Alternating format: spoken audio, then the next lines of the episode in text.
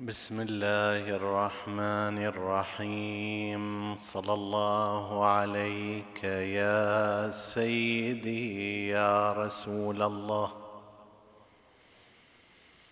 صلى الله عليك وعلى ابن عمك امير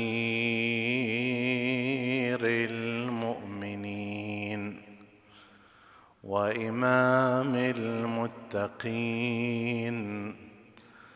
صلى الله عليك يا سيدي ويا مولاي يا أبا عبد الله الحسين.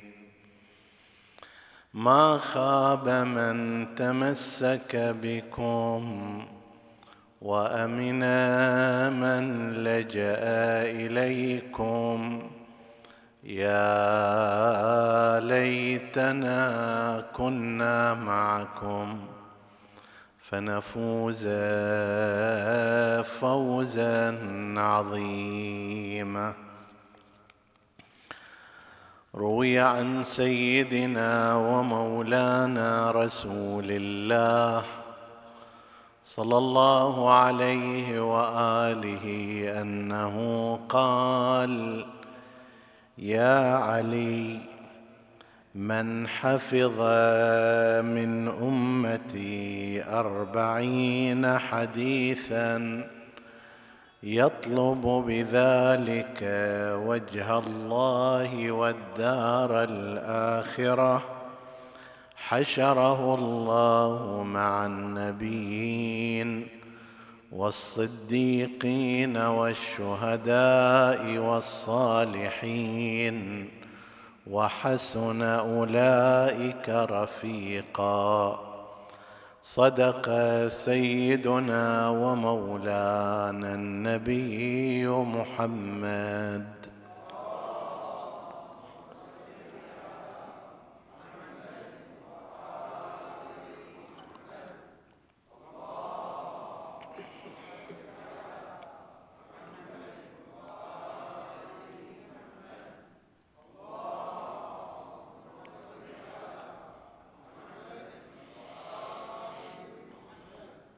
حديثنا بإذن الله تعالى يتناول التعريف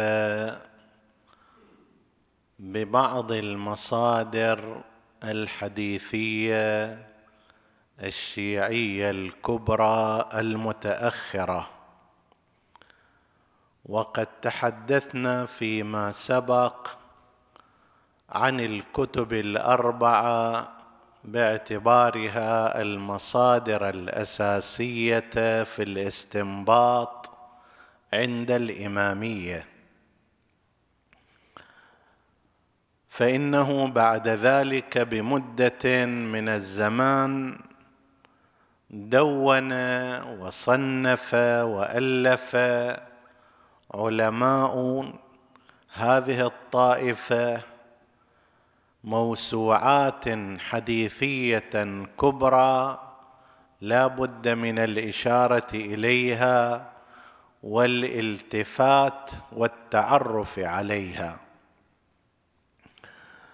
ابتدأنا بالحديث المعروف بين الفريقين عن رسول الله صلى الله عليه وآله حول فضيلة من حفظ أربعين حديثا. وقد جاء بصيغ متعددة منها أنه إذا كان يطلب الله والدار الآخرة فإنه يحشر مع النبيين والصديقين والشهداء والصالحين في يوم القيامة. في خبر آخر وهو الموجود في مصادر مدرسة الخلفاء أنه من حفظ أربعين حديثا حش من أمور دينهم حشره الله يوم القيامة عالما فقيها. وعلى أي حال ففي هذا الحديث بصيغه المختلفة تحريض كبير على موضوع حفظ الأحاديث بوسائل الحفظ المختلفة فتارة يكون حفظا في الصدور وأخرى تدوينا في السطور وثالثة من خلال بثه وتبليغه والحديث عن هذه الأحاديث وبيان مفاهيمها. فهذا أيضا أيضا نوع من أنواع الحفظ. هذا يجرنا إلى فكرة أخرى وهي أننا قد نلاحظ في بعض الأحيان استهانة من قبل بعض الناس بالجهود العلمية الكبيرة التي بذلها علماء الطائفة في تدوين هذه الموسوعات الحديثية الضخمة والنافعة والمفيدة. فقد تجد وهذا ليس بالقليل ربما من قبل بعض الناس يجلس مثلا وهو قد لا يستطيع أن يكتب صفحة كاملة من دون أخطاء ومع ذلك يقول شنو هذا كتاب بحار الأنوار؟ ما فيه أحاديث صحيحة؟ كلما أدري كذا وكذا ضعيف ما في فائدة هذا يشيع الخرافه وتعال واستلم من هذا الكلام. شنو هذا كتاب الكافي؟ وشنو ذاك كتاب الكذا؟ هذا يعني استهانة بالعلم في أقصى درجاتها. كتاب ربما صرف أحد العلماء الفقهاء والمحدثين والمجتهدين من عمره الشريف عشرين سنة من البحث والتدقيق والتنقيب حتى أنتج هذا. مثلي وأمثالي قد كتابة صفحة بالنسبة الي هي من الأمور الصعبة. أجي أستهين بهذا العمل وأروح أدور استعارة. فلان قال أن هذا أحاديثه ضعيفة فأنا هم أجي أقول أحاديثه ضعيفة وأنا ربما ما أدري وش معنى الحديث الضعيف وماذا ينفع وماذا لا ينفع. وين موجود هذا الحديث الضعيف أو ما موجود؟ بس خلص ما دام زيد من الناس قال وآخر قال هذا يشيع الخرافة والأسطورة وأنا هم أريد أبين أنه أنا تقدمي وفاهم ومثقف ألوك في هذه الكلمات. مع أننا قلنا في يوم سابق أن النقد العلمي بعدة النقد هو من مفاخر التشيع. ولذلك لما ذكرنا أن مثلا العلامة المجلسي سجل ملاحظاته على كتاب الكافي وبين ما فيه من أحاديث ضعيفة قلنا هذا من مفاخر تشيع وليس شيئا. مستهجنا. كلامنا هو في من لا عدة له وربما لم يطالع جزءا كاملا من هذا الكتاب. مع ذلك يجي ويجرد كلام على كل هذه الموسوعات. وليش ما تلقوها في القمامة؟ وليش ما أدري ما يتخلى عنها؟ وإلى متى مجتمعنا يتغذى منها ومن هذا الكلام. هذه الكتب أقل ما ورد فيها أنها من مصاديق ما قاله نبينا الأعظم محمد.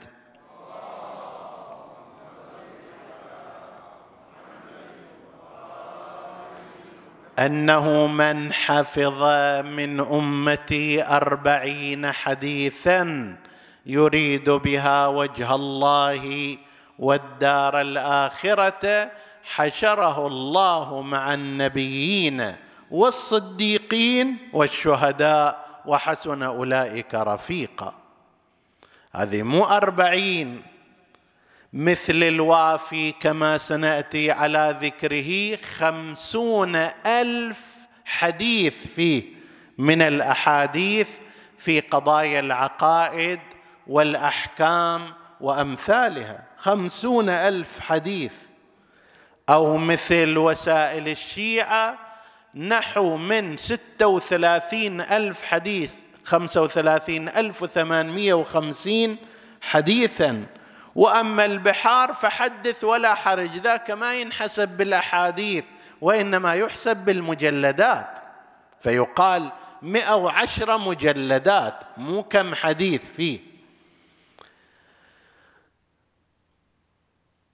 نشير هنا إلى أننا بتعريفنا هذه الموسوعات العلمية نقدر الجهد العلمي العظيم الذي قام به هؤلاء المحدثون هؤلاء المصنفون وبذلوا من من أعمارهم الشريفة ما بذلوا وفيه وفيها الكثير من التحقيقات كما سنشير إلى ذلك باختصار.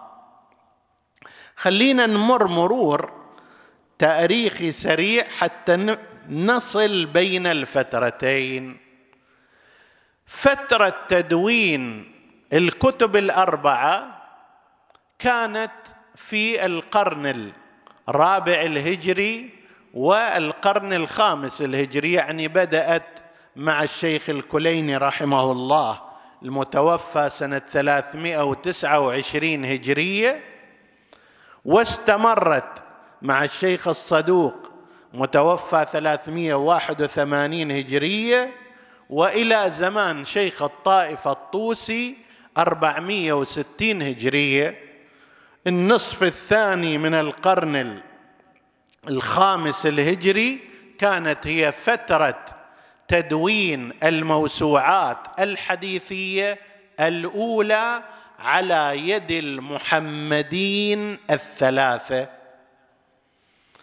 بعد هذه الفترة نظرا لهيمنة الشيخ الطائفه الطوسي كما ذكرنا فيما سبق من أنه كان موسوعيا في تأليفاته وكثير الإنتاج في كل باب من الأبواب فظلت حالة السيطرة لكتبه وأفكاره هي السائدة. وهذا يصير أحيانا يعني عالم من العلماء يجي لقوته العلمية ولكثرة تلاميذه يبسط سيطرته العلمية فلا يتجرأ تلامذته على مخالفته. إلى فترة من الزمان هذا حصل بالنسبة إلى زمان شيخ الطائفة الطوسي رحمه الله. ولذلك إلى حوالي مئة سنة بعده لم نجد هناك إنتاجات علمية كثيرة مخالفة لآراء شيخ الطائفة الطوسي رحمه الله. واستمر الوضع العلمي هكذا الناس يستفيدون العلماء الفقهاء طلاب الحوزات العلمية عامة الشيعة يستفيدون من هذه الكتب ومن أخبارها وأحاديثها. وإلى الآن كان التوجه العام هو التوجه إلى الحديث والأخبار والروايات. إلى زمان العلامة الحلي رضوان الله تعالى عليه. العلامة الحلي متوفى سنة 728 هجرية لما جاء كان عنده قدرة عقلية قوية جدا قدرة استدلالية وأصولية كبيرة وكان عنده آراء ومسالك جديدة غيرت الاتجاه. فجاء العلامة الحلي وتدرون العلامة الحلي هو يعني من أسباب تشيع إيران كان العلامة الحلي أنه في قضيته مع الشاه محمد خدابنده والنقاش اللي دار في ذلك المجلس مع سائر المذاهب وانتهى الأمر إلى تفوق شيخ الشيخ العلامة الحلي رضوان الله عليه على سائر المذاهب وأعلن الشاه خدابنده أنه التحق بمذهب التشيع ومنهجه وأعلنه على الملأ وإيران كانت في عهده متجهة بهذا الاتجاه. كان هذا في المرحلة الثالثة أو الرابعة من تشيع إيران لأن تشيع إيران الكامل مر بمراحل متعددة. تحدثنا عنه في كتاب صور من التاريخ الشيعي. اجى العلامة الحلي وقال ترى الحديث مو كله صحيح. أحاديث الموجودة عندنا في هذه الكتب ليست كلها صحيحة وإنما فيها هناك أحاديث ضعيفة. زين شنو انت اصطلاحك للحديث الضعيف؟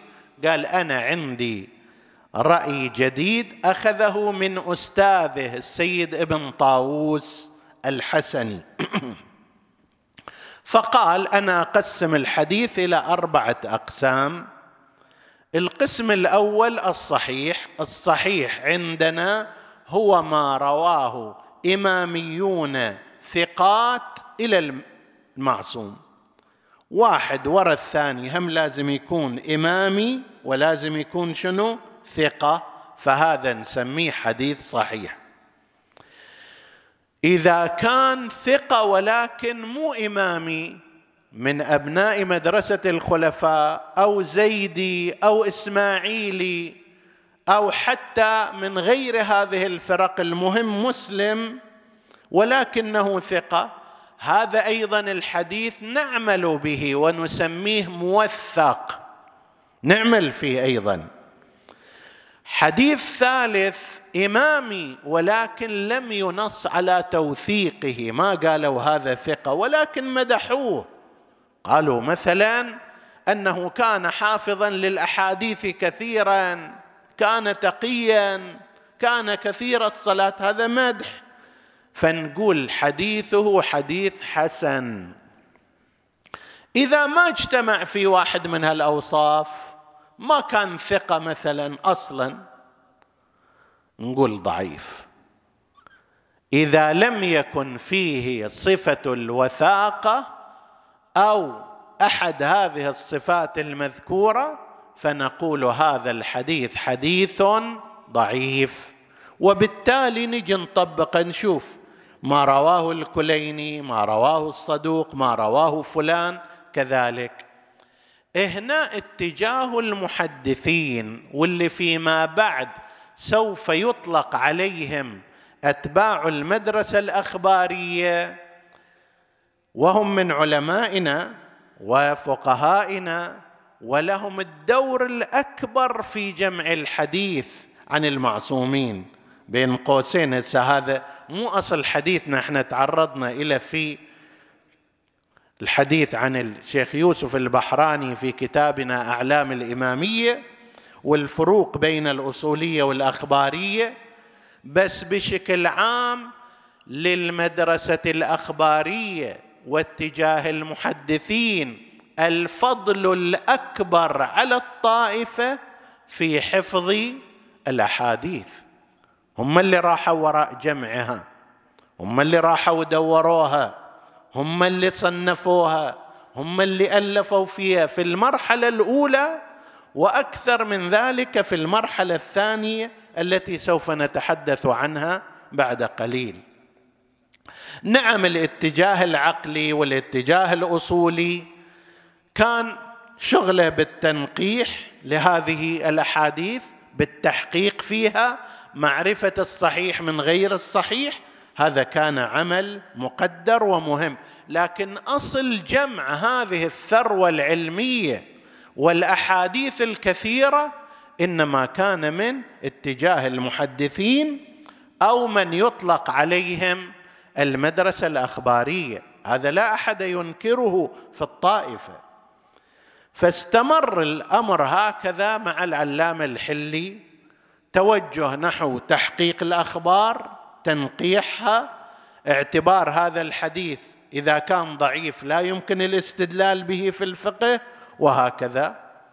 إلى بدايات القرن الحادي عشر الهجري يعني من سنة ألف وفوق.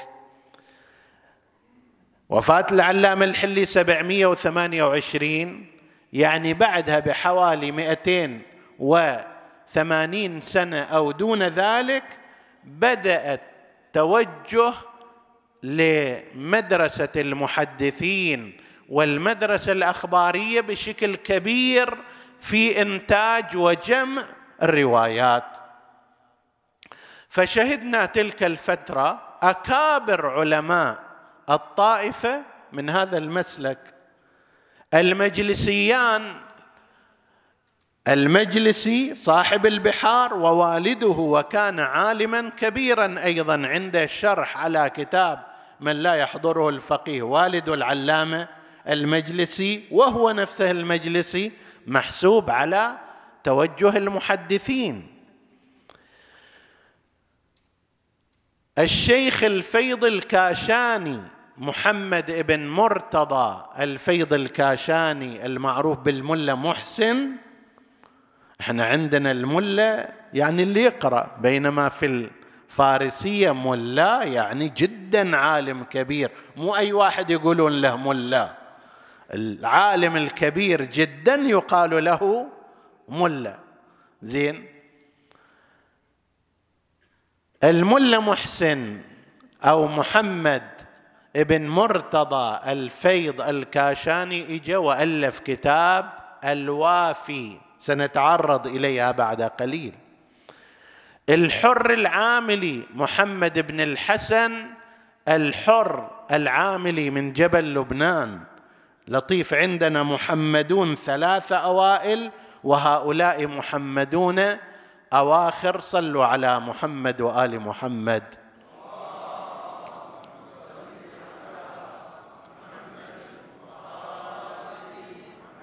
فهؤلاء وتلامذتهم بدأوا طبعا يلحق بهم ولو في وقت متأخر هذا من الناحية الزمنية متأخر وإحنا حديثنا حول تلك الفترة وإلا يلحق بهم المحدث النوري ميرزا حسين النوري عند كتاب مستدرك الوسائل مستدرك الوسائل حوالي 23 ألف حديث فيه. وهو ما لم يذكر في سائر الكتب من الأحاديث. فجاء هؤلاء العلماء وسووا عدة أمور فيما يرتبط بالتراث النبوي والمعصوم من أحاديث أهل البيت. أعود وأذكر مرة أخرى لأهمية الفكرة أننا نعتقد أن ما جاء عن أئمة أهل البيت عليهم السلام من الأحاديث أصول هذه الأحاديث ومنبعها هو رسول الله صلى الله عليه وآله. فحفظهم لهذه الأحاديث في الواقع هو حفظ لسنة رسول الله صلى الله عليه وآله. أول ما نجي نتحدث عن الفيض الكاشاني والوافي كتابه باعتبار تقدمه الزمني هو متوفى سنة 1091 هجرية. الفيض الكاشاني ألف كتابا اسمه الوافي. طبعا مو هذا كتابه الوحيد ما شاء الله. هذا منتج بشكل كبير. من ذلك عنده تفسير الصافي في بعض الطبعات ثلاثين مجلد وعنده التفسير الأصفى. مختصر ومركز وعنده كتب أخرى مختلفة ومتعددة. إجا قال هذه الكتب الأربعة الأوائل فيها مشاكل منها تنظيمها مختلف. تنظيم الكليني يختلف عن تنظيم الصدوق وتنظيم الصدوق يختلف عن تنظيم الطوسي في التهذيب فتحتاج هذه الكتب إلى إعادة تنظيم موضوعي بحيث لو أن إنسانا من الفقهاء أراد أن يبحث في مسألة معينة لازم يعرف وين مكانها ويعرف كل الأحاديث الواردة فيها فأعاد تنظيم هذه الكتب كلها. هذا واحد. الثاني قال هؤلاء لم يوضحوا الكثير من ما جاء من الألفاظ والمبهمات والمشكلات في هذه الروايات. والواحد يجي يحتاج إلى أن يكون الأمر واضحا. مثلا عندما يأتي العالم برواية كما زعم في اتهام الشيخ الكليني أنه ما دام جاء برواية فيها قضية التحريف فماذا يعني ذلك؟ هو يحاول أن يوضح هذا الأمر. إذا ألفاظ غير واضحة يوضحها إذا أشياء بلاغية ولغوية يبين وجوه البلاغة فيها إذا مؤيدات إلها من حتى من كتب مدرسة الخلفاء كان يفعل ذلك. فأنتج هذا الكتاب كتاب الوافي اللي عد مرحلة متقدمة ومهمة في التدوين الحديثي عند شيعة أهل البيت عليهم السلام. احتوى هذا الكتاب على خمسين ألف حديث مع أن مجموع ما ورد في الكتب الأربعة لا يصل إلى خمسين ألف حديث. يعني الكافي قلنا أنه ستة عشر ألف وشيء وتهذيب ثلاثة عشر ألف وشيء ومن لا يحضره الفقيه نحو ستة آلاف والاستبصار قريب من هذا العدد فلا يكون خمسين ألف. لكنه أيضا استدرك على هذه الكتب ما وجده في كتب أخرى. هذا بالنسبة إلى كتاب الوافي للشيخ محسن الفيض الكاشاني رحمه الله. العجيب أن الشيخ محسن الفيض الكاشاني هم هو في نفس الوقت أخباري المسلك ومن مدرسة المحدثين ومع ذلك له باع طويل جدا في الفلسفة والعرفان. وعادة ماكو هناك انسجام بين المنهجين ولكن سبحان الله هذا هم كان في هذا الجانب متبحر ومتفوق. وفي تفسير القرآن له الباع الأطول وهناك أيضا في المجال الآخر يعد من العلماء الكبار في ذلك الأمر. هذا كان الكتاب الأول. نجي على الكتاب الثاني وهو وسائل الشيعة للعلامة الشيخ محمد بن الحسن الحر العاملي. الحر العاملي هو من نسل الحر بن يزيد الرياحي. شوف هالشهادة التي رزق إياها هذا الرجل. وين أنتجت؟ أنتجت أن واحدا من ذريته يكون معتمدا عند كل العلماء ولا يستطيع. هذا العلماء يقولون لا يستطيع فقيه أن يستنبط الأحكام الشرعية ما لم يكن عنده كتاب وسائل الشيعة للحر العاملي ما يقدر يستنبط. لجامعية هذا الكتاب ولحسن ترتيبه وتبويبه ولدقته فيه. هو راح وجمع ما هو موجود من روايات الأحكام الشرعية الموجودة في الكتب الأربعة وأضاف إليها سبعين كتابا من الكتب التي عثر عليها وصححها ولم تكن موجودة عند لا الكليني ولا الصدوق ولا غيره. هذه مصادر أخرى عثر عليها واستدل على صحتها ونقل عنها. سبعين كتاب عثر عليها. وبالإضافة إلى ذلك كان دقيقا لأنه يقال راجع هذا الكتاب ثلاث مرات وأنتجه خلال 18 سنة من عمره الشريف. وهاجر من مكان إلى مكان في سبيل تحصيل مادته وتبويبه وترتيبه. حتى راح إلى إيران إصفهان وقت الصفويين وأيام العلامة المجلسي رضوان الله تعالى عليه كان موجود وكان بعنوان شيخ الإسلام في إصفهان العلامة المجلسي. وهناك تبادل معه ما يسميه العلماء بالإجازة المدبجة. إجازة المدبجة يعني شنو؟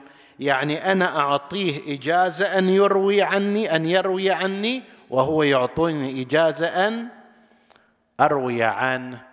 هذا كان منهج عند القدماء أن يجيز العالم الكبير العالم الصغير في أن يروي عنه ما صحت روايته عنه الآن موجود أيضا ولكن هو يؤخذ للتبرك. تروح إلى إذا كنت من أهل العلم والممارس لهذه الأمور تروح إلى أحد الفقهاء تقول له أنا أريد إجازة رواية.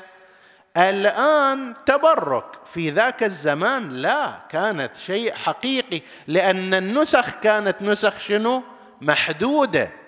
فيقول لك أنا أجيز لك أن تروي هذه الكتب وانت تقراها أيضا عليه حتى ترويها عنه. فلأنهما في عصر واحد وربما مستوى علمي واحد هذا أجازه وذاك أيضا أجازه. وكان رحمه الله شجاع القلب وسريع البديهة ويشهد لذلك ما نقل من جلسته مع سلطان ذلك الوقت. السلطان الصفوي في ذلك الوقت كان عنده كبر وأنفة. وبعضهم لا أعلم إذا كان هذا صحيح أو لا ولكن بعضهم يقول حتى عنده أيضا حالة عنصرية تجاه غير الفرس. ففي مجلس من المجالس لما جاء الشيخ الحر العاملي عربي بالتالي هو ولعله حتى مظهره يدل على ذلك طبيعي جلس في مكان قريب من السلطان. هذه يشوفها كبيرة كأنما مثلا شايف بعض هذول يتصور أنه إذا واحد جلس بجنبه إذا فقير جلس بجنب غني يخاف الفقر يجي من فقره إليه. أو إذا صغير هو يصير صغير. أكو بعض النفوس هكذا. فاستهجن السلطان أن يجلس بجانبه الحر العاملي لازم مثلا في رأيهم يقدم فروض الطاعة ولازم يحترم ولازم يقعد على مسافة وإلى آخره. من تقاليد ما أنزل الله بها من سلطان. فلما جلس بجانبه وكان بينهما وسادة تفصل بينهم هذا السلطان بكبر وأنف قال للحر باللغة الفارسية فرق ميان حر وخرتشيست يعني ما هو الفرق بين الحر والحمار. كلمة خر في اللغة الفارسية تعني حمار حاشا من يسمع.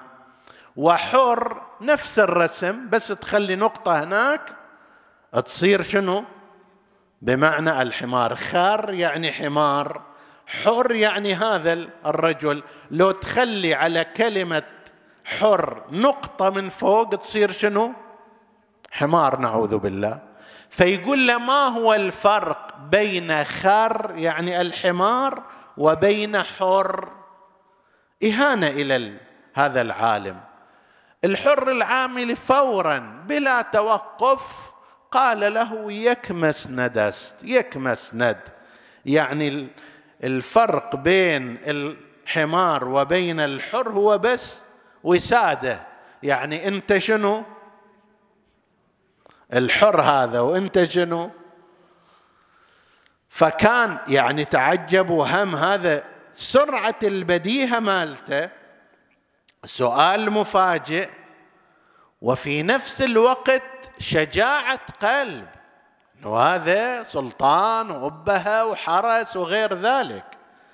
فبالإضافة إلى هذا هذا العالم الجليل كان بهذا المستوى من حضور البديهة وشجاعة القلب إضافة إلى أنه كان عالما نحريرا ومحدثا خبيرا. كما قلت هذا الكتاب خمسة وثلاثين ألف وثمانمائة وخمسين حديث. أنت تجي تقول هذا الكلام ولكن المؤلف لازم عندما يكتب يقول مثلا محمد ابن يعقوب عن علي بن إبراهيم عن أبيه لازم يفكر هذا ممكن أن يروي عن هذا لو لا معاصر له لو لا. الرجاليون ذكروه لو لا هذا ما مذكور. مو هالشكل قوترة كما يقولون. يعني كل من وردت أسماءهم في هذا الكتاب لازم الحر العامل يكون عارف فيها ويميزها ويحدد أنه هذا السند سند معقول وصحيح لو لا. ولو أن المحدثين وعلماء المدرسة الأخبارية كما ذكرنا يرون أن كل الكتب الأربعة أحاديثها صحيحة ما يحتاج إليها إلى بحث. بل بعضهم يرى أنها قطعية الصدور مو بس صحيحة أكيد صادرة عن المعصومين. لكن مو معنى ذلك أن هذا كان يكون ببلاده وأنهم ما يعرفون لا. يعرفون حتى على مسلك العلامة الحلي. أنه هذا على مسلك العلامة الحلي صحيح لو موثق لو حسن لو ضعيف. عندهم خبرة فيها. مرة واحد يقول لا أنا ما علي ذاك مسلك الأصوليين ما أعتني به.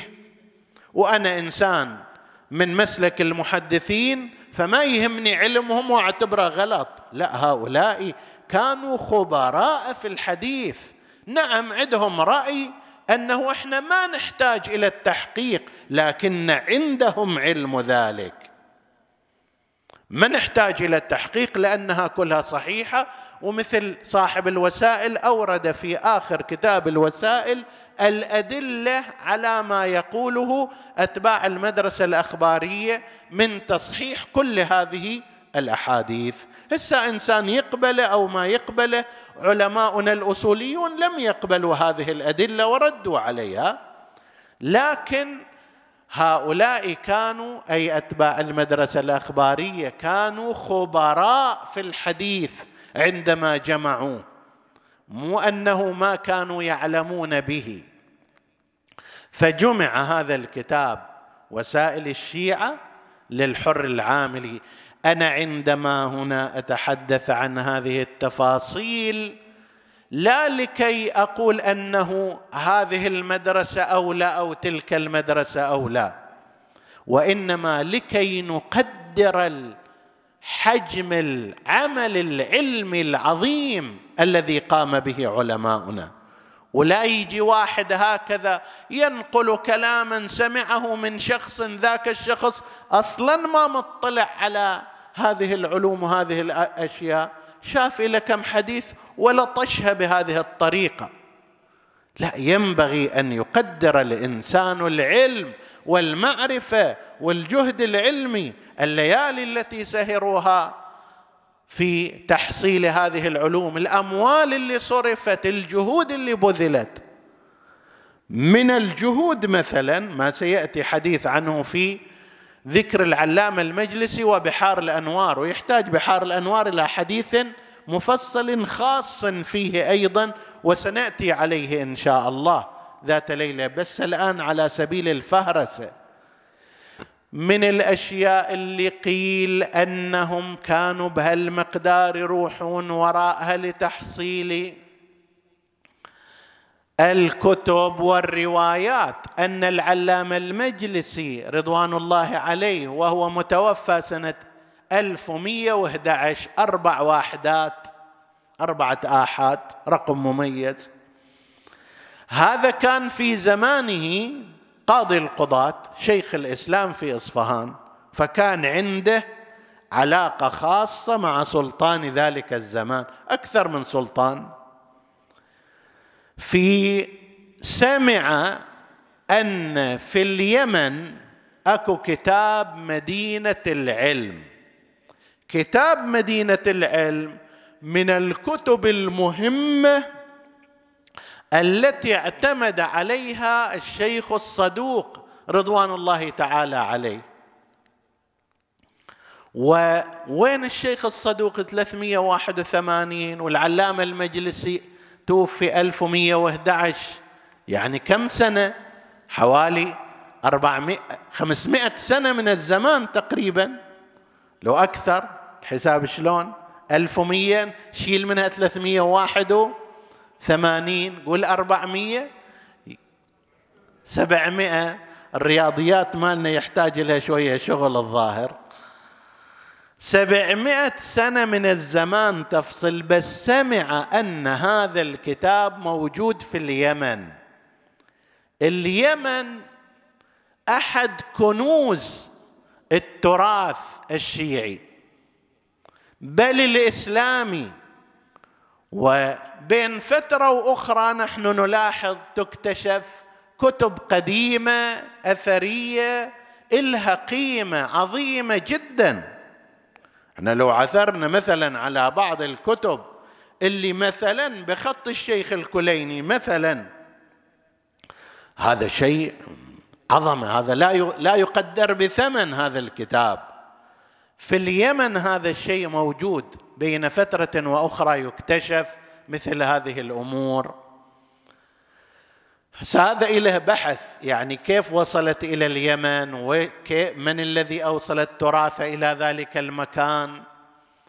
الشاهد أنه سمع العلامة المجلسي أن كتاب مدينة العلم الذي يفصله عن حوالي سبعمائة سنة موجود في اليمن. فطلب من سلطان إيران في ذلك الوقت من الع...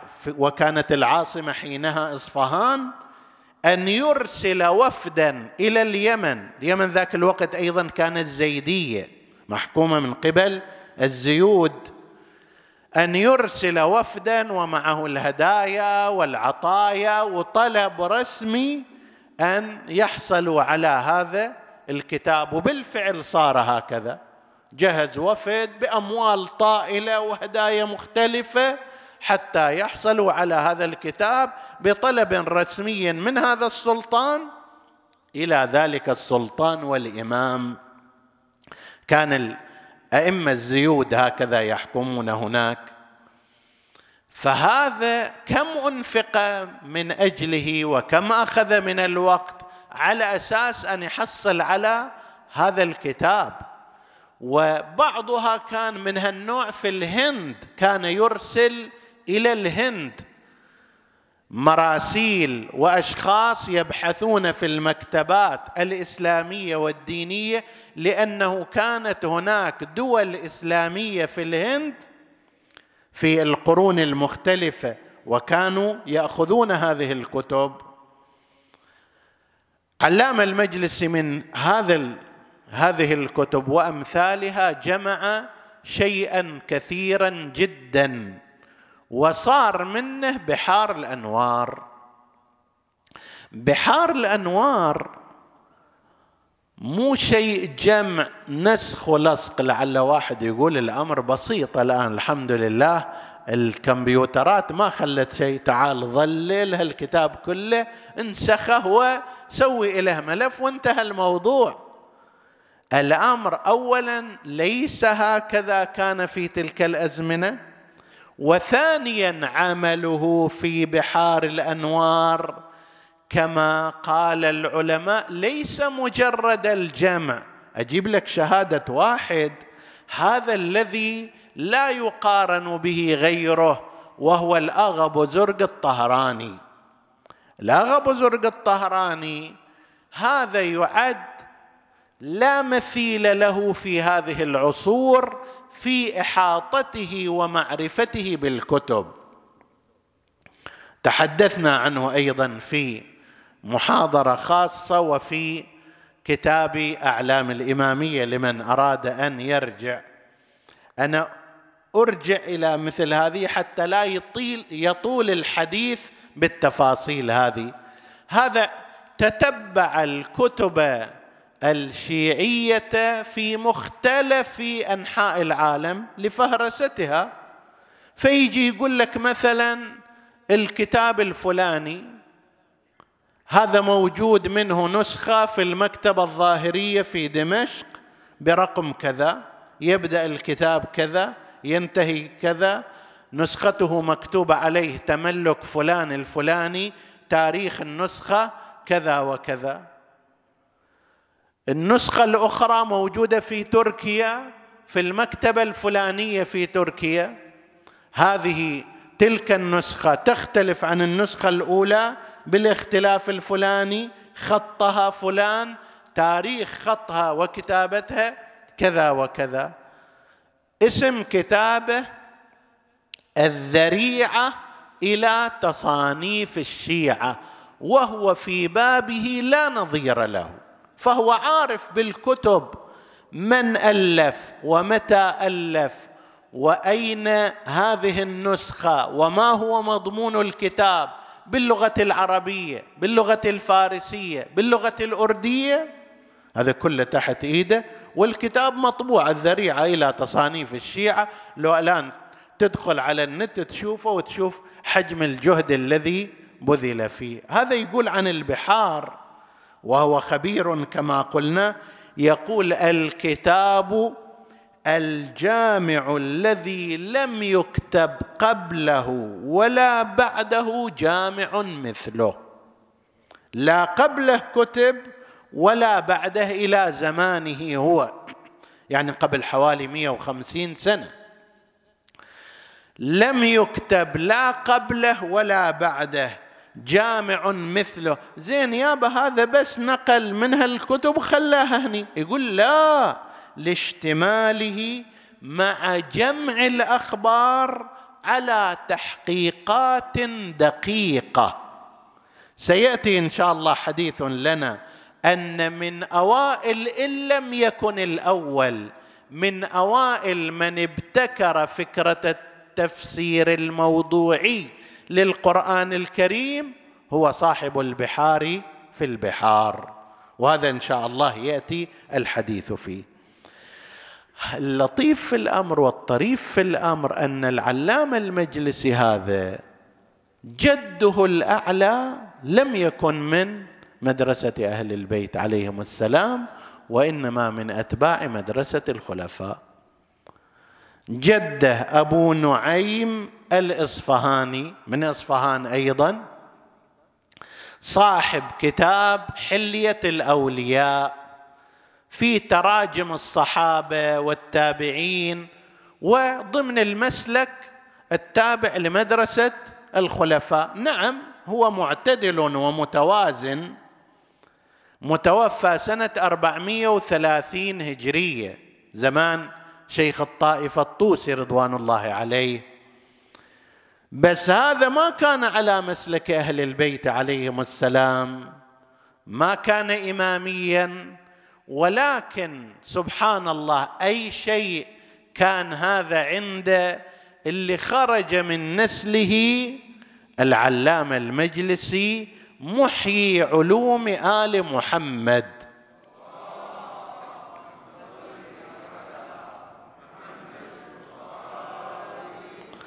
صار عندنا اثنين هنا من جهة. العلامة المجلسي جده الأعلى أبو نعيم الإصفهاني وهو خارج المدرسة الإمامية والحر العاملي جده الأعلى من؟ الحر بن يزيد الرياحي القائد العسكري الأموي الذي جاء لاعتقال الإمام الحسين عليه السلام. شنو سوى هذا الحر الرياحي اللي الله سبحانه وتعالى رزقه الشهادة بين الإمام بين يدي الإمام الحسين عليه السلام واللي يأبنها الإمام الحسين بقوله أنت حر في الدنيا وسعيد في الآخرة. وفوق هذا تصير عائلة عائلة علمية عائلة الحر في جنوب لبنان تقريبا لم ينقطع فيها العلم. إلى سنوات قريبة كان منهم أحد القضاة المهمين في جنوب لبنان. علماء وراء علماء. وأهمهم جميعا اللي بنى المجد الأعلى لهذه الأسرة هو صاحب كتاب وسائل الشيعة. وسائل الشيعة كما ذكرنا في عدد الروايات هذا محمد بن الحسن الحر العاملي. رزق ذلك أن يكون هذا من نسله ومن ذريته. بعض العلماء يقول لعل سبب ذلك هو احترامه الفائق هو احترامه الفائق لفاطمة الزهراء سلام الله عليها. ترى هذه إليها آثار لا تتصور انه ما لها آثار. عمل صالح أنت تعمله من الممكن أن يؤثر في الجيل السابع بعدك. هذه في قضية أصحاب الكهف. واحد أكرم أقيم له الجدار لأن في ذريته بعد أجيال سيكون هناك أوصياء. فيصير هذا لذلك لا تستصغر عمل الخير. من الممكن أن تسوي عمل خير. ما ما تحصل على نتيجته فورا ينتج في ابنك في حفيدك في ابن حفيدك بعد مئتين سنة. حفظ الله الغلامين لما فعل أجدادهما. هنا أيضا لا نستبعد أن هذا الرجل عندما وقر شأن فاطمة الزهراء في الذكر قل أنا ما أقدر أذكر فاطمة إلا بأحسن الذكر. مكان معركة. لما أراد الحسين عليه السلام أن يتحرك الحر بن يزيد الرياحي قال أنا مأمور ما أخليك تتحرك. تيجي وياي إلى الكوفة. الإمام الحسين لم يعتني به وحرك القافلة فوقف الحر أمام القافلة. تمشي وإذا بها مرة واحدة توقف اضطربت هذه الإبل والمحامل فأرعبت النساء. لما صار هالشكل قال له الحسين عليه السلام ثكلتك أمك يا حر ماذا تريد؟ بعض الناس يسأل يقول كيف الإمام الحسين يقول للحر ثكلتك أمك قاعد يسبه مثلا هو يدعو على أمه بالثكل ذاك ذاك الوقت مو بس الحر كان يستاهل المسبة يستاهل ضربة على رأسه في ذلك الوقت لأنه باغ على إمام زمانه. هذا في ذاك الوقت لولا أن تداركته الرحمة من ربه كان يصير مصيره مصير السندي بن شاهك. سندي بن شاهك اعتقل الإمام الكاظم. هذا جاي أيضا يريد أن يعتقل الإمام الحسين ويأخذه قسرا إلى الكوفة. ما الفرق؟ فلما يقول له ثكلتك أمك هذا أدنى شيء وهو المبادر كان إلى الاعتداء. لكن ماذا فعل هذا الرجل في سابق أمره اللي رزق هذا التوقير لفاطمة وهذا المصير؟ فلما قال له الحسين ثكلتك أمك يا حر. قال يا أبا عبد الله لو أن أحدا من العرب ذكر أمي على مثل الموقف الذي أنا فيه لما تركت ذكر أمه سلطان أو حاكم أو خليفة يذكر أمي أذكر أمه. ولكن أمك فاطمة الزهراء ما إلى ذكر أمك من سبيل إلا بأحسن ما نقدر عليه. أقدر أقول ثكلتك أمك يا حسين؟ ينقطع لساني وما أقول هذا الكلام. أذكر أمك في هذا الموقع؟ لا أنا أوقر فاطمة عليها السلام. لا أذكرها إلا بأحسن كلام وإلا بأحسن سلام. يا حر أنت ما ذكرت فاطمة بالكلام؟ غيرك هجم على دارها. غيرك أشعل النار وجمع الحطب على باب دارها. ومجمعي حطب على البيت الذي لم يستقم لولاه. أمر الدين هنيئا لك يا حر اللي تستكثر على نفسك أن تذكر اسم فاطمة بسوء. تعالوا شوف إيش سووا فيها بمدينة رسول الله حتى نادت يا رسول الله إن القوم قد استضعفونا أصبحنا بعدك من المستضعفين وأصبحت الناس عنا معرضين. هكذا كان بل عصرت بين الحائط والباب بأبي وأمي حتى أسقطت جنينها. يا باب يا باب فاطم لا طرقت بخيفة. كأنما هذا الشاعر يناجي باب فاطمة. ترى مو باب فاطمة أيها الشاعر هو الذي آذاها.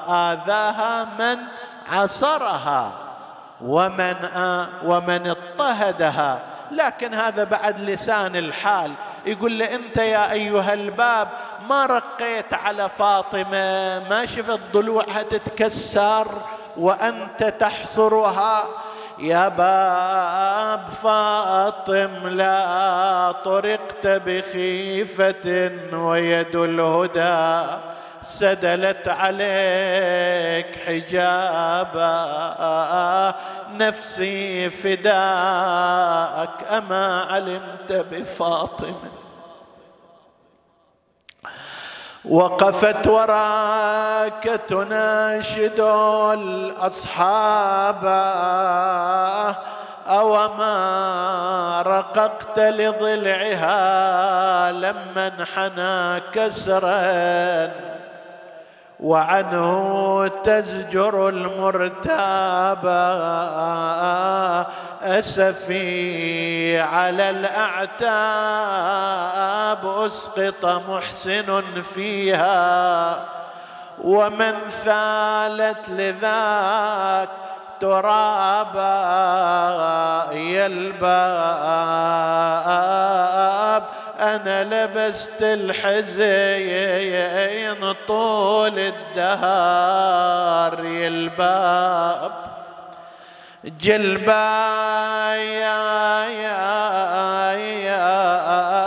لبست الحزن طول الدهر يلبايا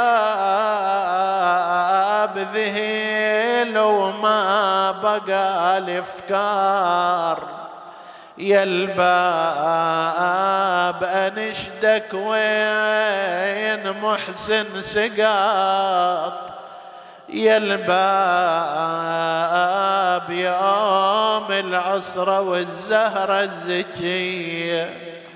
إي اي والله يوم العصرة والزهرة يا يا الزهرة يا الزكي سقطت وأسقطت الجنين وخلفها من كل ذي حسب لئيم جحفل هذا يعنفها وذاك يدعها ويسبها هذا وهذا يركل ولسوف تأتي في القيامة فاطم. نسألك اللهم وندعوك باسمك العظيم الأعظم الأعز الأجل الأكرم. يا الله اغفر لنا ذنوبنا كفر عنا سيئاتنا. آمنا في أوطاننا. لا تسلط علينا من لا يخافك ولا يرحمنا. ولا تفرق بيننا وبين محمد وآله طرفة عين. احفظ اللهم إخواني السامعين فردا فردا واقض حوائجهم. اشف اللهم مرضاهم وادفع البلاء والوباء عن عبادك. يا رب العالمين تقبل اللهم عمل المؤسسين بأحسن القبول إلى أرواح موتاهم وموتى السامعين. نهدي ثواب الفاتحة تسبقها الصلوات.